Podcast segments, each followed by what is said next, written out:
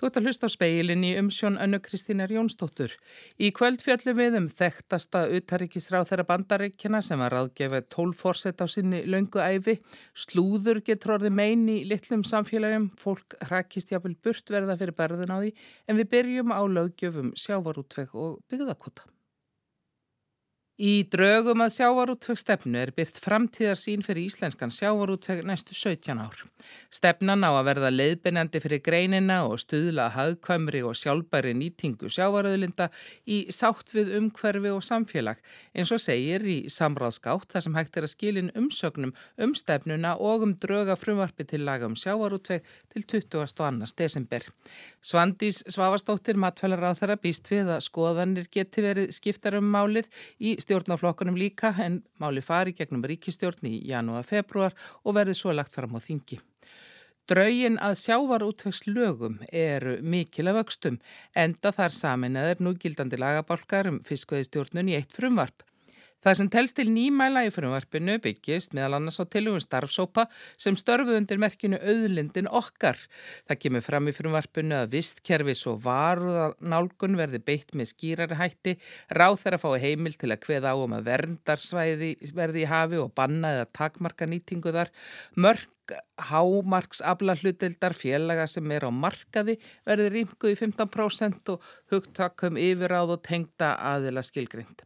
Útgerðir fá þrjú ár til að laga sig að breytum reglum ef þar fara fram úr hámarksabla hlutild, veiði gjald verði hækkað og 35% um í 45% en 10% álega og uppsjóarfisk verði lagt niður. Það hefur lengi verið deilt um sjávarútveg. Svandís sagði síðustu viku að þetta yfirgripsmikla frumvarp byggðist á eins og hálsás vinnu fjölda fólks. Stór aukin áherslu á gagsægi en við sáum það í umfjöllun sem við kölluðum eftir hjá félagsýstastofnun þar sem var gerð sko stór skoðanakönnun á afstöðu þjóðarinnar mm. að gagsægi er það sem að fólk kallar mest eftir og við leggjum mikla áherslu á það. Svo auðvitað uh, umhverju smál, byggðakerfin og margt fleira. Ég hugsa að séu allt í allt 50 eða 70 atriði í þessu stóra frumvarfi. Margir hafa leitur að borði, leitast við að finna jafnvægi. Svandis býst við að allir hafi sína skoðanir og eftir að metta hvaða áhrif frumvarfið hafi. Það er ekki markmiðið með þessu frumvarfið að skapa sáttu við einstaka aðila í greininni, heldur frekar að reyna að skapa þessa breyðu samstöðu í mm. samfélaginu Þannig að, en ég hef trú á því þegar til lengri tími liðti að það skiptir máli fyrir greinina að það sé meira jafnvægi umræðinni mm. og meiri sátt um þetta í samfélaginu. Jón Björn Hákonarsson formaði samtaka sjávar útveg sveitarfélag tekur undir það að frumvapströgin séu mjög umfangsmikill. Hann eins og fjölmargir tók þátt í vinnuhópa undir merki auðlindarinnar okkar og mörg sjónamið komið fram. En þetta er mikið af vöxtum og það er tekið og ymsu og maður veldur um fyrir sannans vegar sko hvort að það sé ráðlegt að fara í slíkar umfangsum breytingar heldur en að kannski að ná utanum smerri skref í einu. En það sem við höfum svona alltaf sagt í samtökum sjáru og sveitafélag, því að auðvitað eru okkars aðelda sveitafélag í þeim með mismundi hagsmunir og, og mismundi útgerð, útgerða form og svo framvegis. En það er svona gegnumganga til okkur, okkur finnst þeirra komin verulega svona þörf á að um og sveitafélag skapist sátt og fríður til þess að greinin geti haldið á með þróast. Því að og sveitafélag bussi frá því sem við höfum delt um, uh, því sem deltar oft um í, í tengslegu sjárótug, þá hefur sjárótugurinn tekið stórstíða framförum á síðust ára. Hann hefur uh, lagt mikið til í nýsköpun og þróun. Við erum fann að nýta hér afurði betur og meira og auka vermaði og það er það sem við viljum sjá og maður vil sjá ennþá meiri nýsköpun í sjárótug en til þess, eins og með alltaf aðra atvinnustarfsemi, þarf að vera með skýrt lagum hverju kringu greinina og menn gangi svolítið þegar vísu það sé komið til að vera. Fyrir sjónleiki sem mikilvægur, ekki gangja fyrir hverja kostningar skapist umræðum að það þurfa að kollvarpa sjávarútveginum sem sé fjöreg þjóðarnar. Ekki er síður mikilvægt þegar Jón Björn að skapa sátt innan greinarnar en í samfélaginu. Frumvarpið sé mikið að vöxtum og eflust komi til skoðanaskipta. En ég vona það að í meðfyrir þingsins verði svona það haft að leðaljósi að líka sjávarútveginni byggðatengtur, ekki síður. Það þarf að horfa til þess og svo náttúrulega bara sem miklu verðmætti sem við sköpum og viljum skapa og þurfum að skapa í útflutningi bara fyrir samfélagið allt. Sjávarútvegur og byggðirnar í landinu tengjast hluta því að styrkja byggð eftir tilfæslur í kvóta og vinslu hefur verið að útdeila byggðakvóta bæði almennum og sértækum. Byggðastofnun ráðstafar þeim sértæka. Í tillegum öðlindarnar okkar var lagt til að útlutun almenns byggðakvóta yrði hætt. Ráð þeirra hefur heimil til að ráðstafa 5,3% af heldarabla hvers árs til meðal annars strandveiða, almenna byggðakvótans, ablamarks byggðastofnunar, línu ívilnunar og skél og rækjubóta. Það er lagt til að línu ívilnun, skél og rækjubætur verði skertur um fjórðung á næstu fjögur ár og það er svo lagðar af. Í draugunum í samræðskáttinni hefur þeirra eftir sem áður heimil til að draga 5,3% af heldarabla frá og ráðstafa meðal annars í innviðastuðning. Og þetta eru hagsmunir sveitafélaga í þessu geta verið með ymsumhætti en ég held að mörguleiti sé svona skinsanlega og það hefur komið áður fram meðal hans í nefnd sem Þóruður Bjarnason frá Háskólum Akkurir þetta að hugsanlega komið ákveðnum tækifæri til breytinga í, í taktu breytt samfélagsmynstur. Ég held að það sé mikið þörf á sérstaklega byggakót og við sjáum hann uh, víða það sem er til þess að kóti ferin er fyrir, þar eru störfi sjáurötu, þar eru uh, vinsla og annars líkt að sértæki byggakótin getur haft gríðarlega mikið að segja og eins og ég horfi á þetta núna þá er hann inni í þessum byggastofnunar áfram í samstarfið séttaflug Síðan er talað um hann almenna byggðarkvota, hann fari í semst, almennar byggða íhlutanir, það verður þá legður og þar getur við að horfa á samfélög, það sem hefur verið sjáurútur, eh, sjáurúturinn hvar á bróð og menna að fengi almenna byggðarkvota en það er alltaf spurning hversu vel hann nýtist til að byggja framtíðar aðtun. Það getur líka verið annu sóknarfæri sem byggðalögum sem þurfa á stuðningi halda, fjárháslega stuðningi. Og ég held að það sé þá þessi leið sem þannig bóðið er að mörgulegt geta íknum það. Eina sem ég fræðist og er það að þannig talaðum að þetta komi frá ríki í formi byggða ívilnuna, menn það hafa líka huga mörg þessi byggðalög hafa ekki stórar eða sterkar stjótsýstu sem geta staðið í því að útfylla umsóknu eða blöðu daginn út og einn. Það þarf að vera mjög skýr hvernig þessi sveita vilja fá þessu ívillan og það verði ekki einhver samkjörnisjós uppsetning á því heldur að þetta komi til á annara atvinnu uppbyggingur til efla slíkt en auðvitað það bara að horfa á hagsmunni líka samfélagana. Það er nummer 1, 2 og 3. Og Jónbjörn segir að mögulega þurfi aðstóð byggðastofnar við útfærsluna en hvaðtinn verði alltaf að koma að heiman.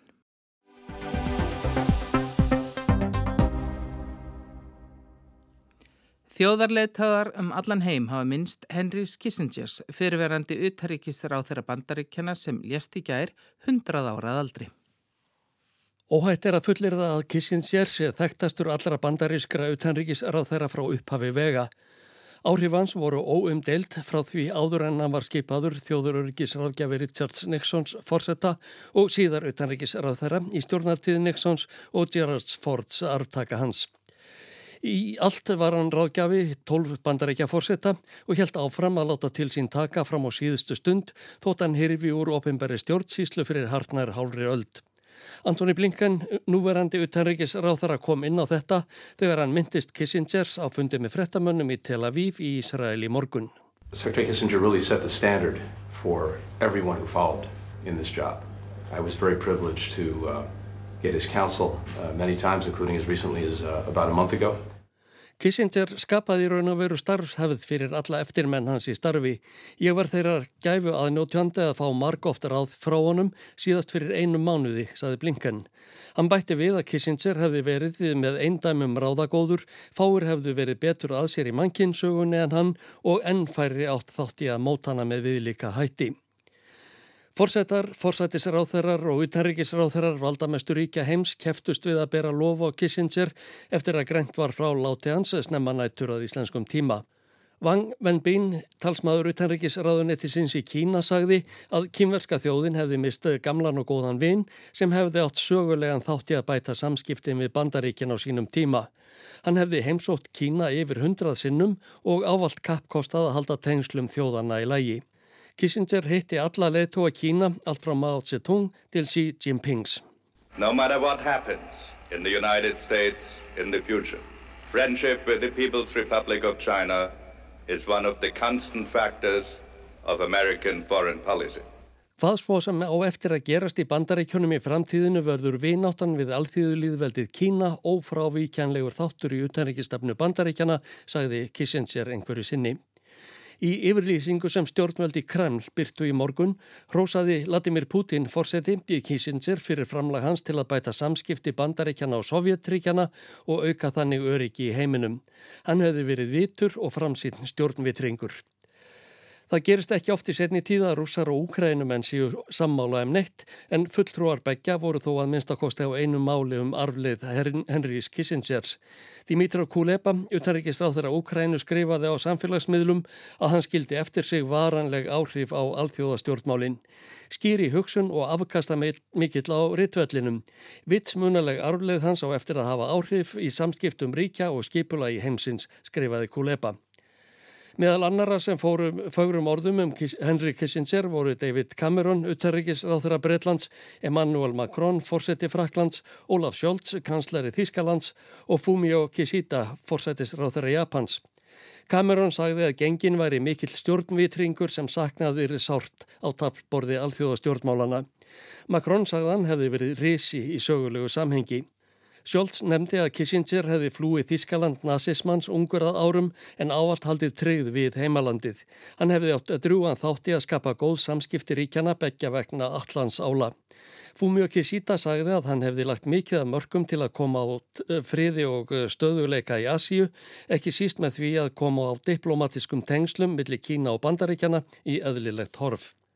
Eins og Antoni Blinkan nefndi lagði Henry Kissinger grunninn að starfsaðferðum sem bandarískir utanríkisráþerar hafa yðurlega yfkað frá því að hann fór sem þeiti spjald millir höfuðborga í Míðausturlöndum og reyndi að koma á friði millir Araba og Ísraels manna á fyrir hluta árs 1974. Þetta er á ennsku kallað shuttle diplomasi, ráðgefandi sáttamiðlun sem erfitt er að finna íslenskt orð yfir. Þýðingarvél Google leggur til skutlu diplomatíja. Blinkan er einmitt þeirra erinda í miðausturlöndum þessi dagrin í vonum að bera klæði á vopnin í stríði Ísraelsmanna á Hamas. Nafn Kissingers verður ávalt tengti Vietnamstríðinu sem háð var á 7. og 8. áratug síðustu aldar. Hann hefur ímist verið lofaður og lastaður fyrir þátt sinni því, semdur fríðarverðlunum Nobels fyrir framlagsitt til að binda enda á stríðið og þess krafist að hann því dæmdur fyrir stríðskleipi, miðal annars fyrir loftar á sér bandarækjahers á Kambóti og Laos. Þúsundir almennara borgara letu lífið. Kissinger var einhverju sinni beðinum að leggja mat á framgöngu bandarækjamanna í Vietnam stríðinu. Think in retrospect we made probably two mistakes about Vietnam. One to go in and second not to win. Ég held að bandaríkinn hafi gert tvenn mistöku í Vietnam, annars vegar að ráðast á landið og hins vegar að vinna ekki stríðið, sagðan. Bandarísk dagblöð og sjónvarps fréttastofur hafa í dag fjallað um arflið Kissingers, flest á fremur í ákvaðan hátt. Einn miðill sker sig úr, tímaritið Rolling Stone. Fyrirsögn greinar eftir Spencer Eckermann, eh, bladamann og rithöfund er Stríðskleipamadurinn Henry Kissinger, dáður af bandarísku valdastjettinni, er loksins döður. Ásker Tómasson tók saman.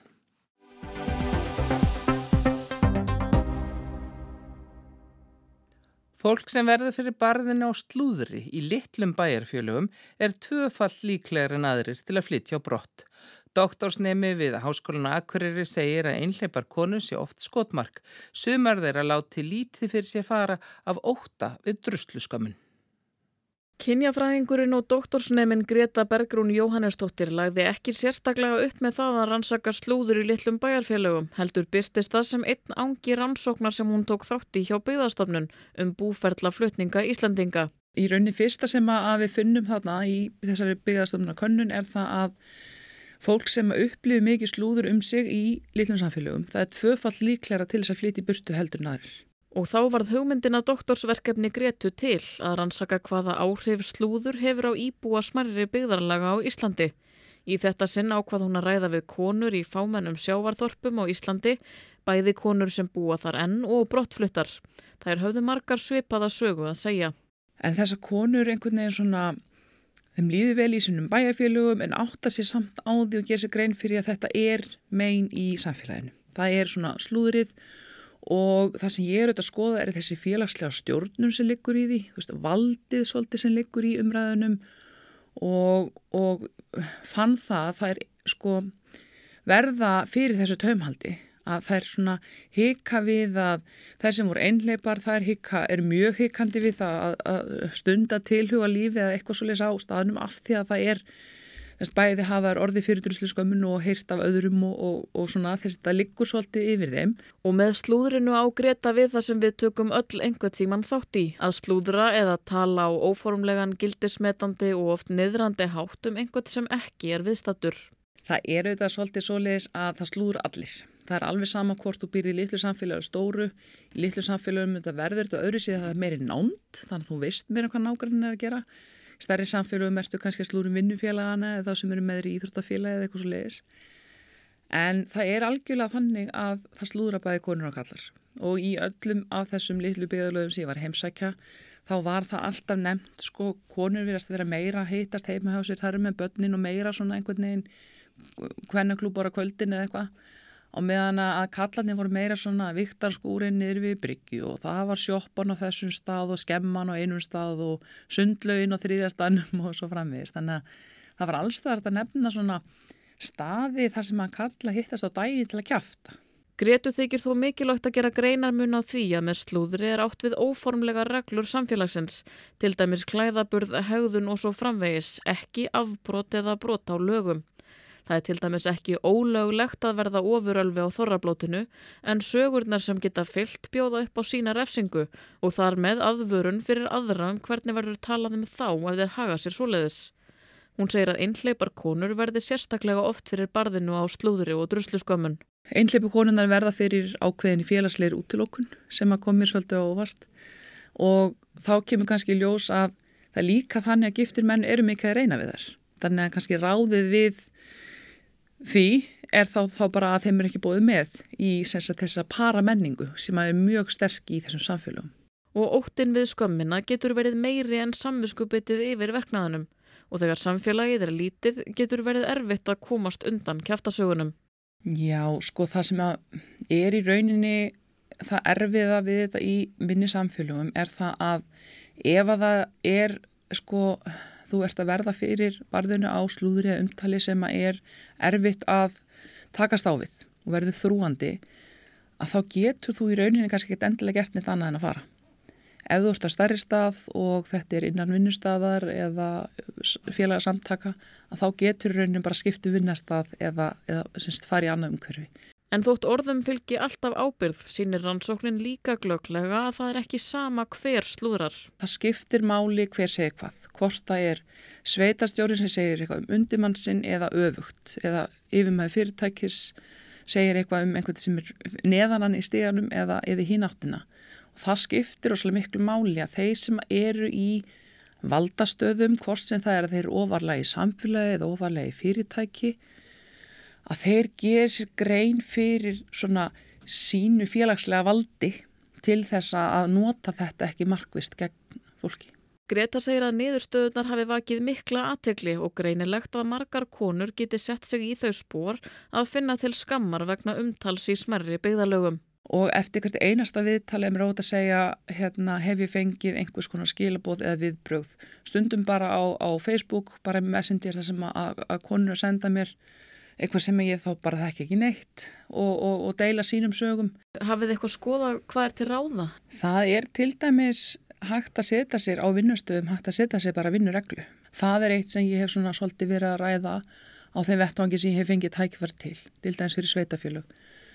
Það sem eru kaffistofur og, og stóru vinnustæðar að setja bara, herru við tölum ekki um samstarfsfélaga þegar þeir eru fjárstættir, persónlega eða þá fólki í, í, í byggðalæginu svona á þessum persónlega nótum sko auðvitað er alltaf umhyggja og þú kannski veist ef einhver er að missa einhvern og þú veist það er alls konar það er alls konar umtal til en þetta svona niðrandi eða svona óþarfa upplýsingaflæði að það áalveg vera hægt að stjórna því. Og til dæmis með því að segja bara heyrðu hinga ekki lengra, þú veist, ég ætla ekki að hlusta á þetta, ég ætla ekki að sitja hérna sem einhver hljóðruslafata og, og hérna og hlusta á alls konar persónlega hluti um, um manneski sem að vinna með mér bara því hún skrap út í búð og, og hérna og einhver annar fyrir að tala um hana. Saði Greta Bergrún Jóhannesdóttir, doktorsnemi við Háskólinu á Akureyri. Ólöf Rún Erlendsdóttir talaði við hana. Og það er ekki fleira í speiklinum í kvöld. Tæknimaður var Mark Eldredd. Það er hægt að hlusta spilaran, speilin í spilararúf og helstu hlaðvarpsveitum. Verið sæl.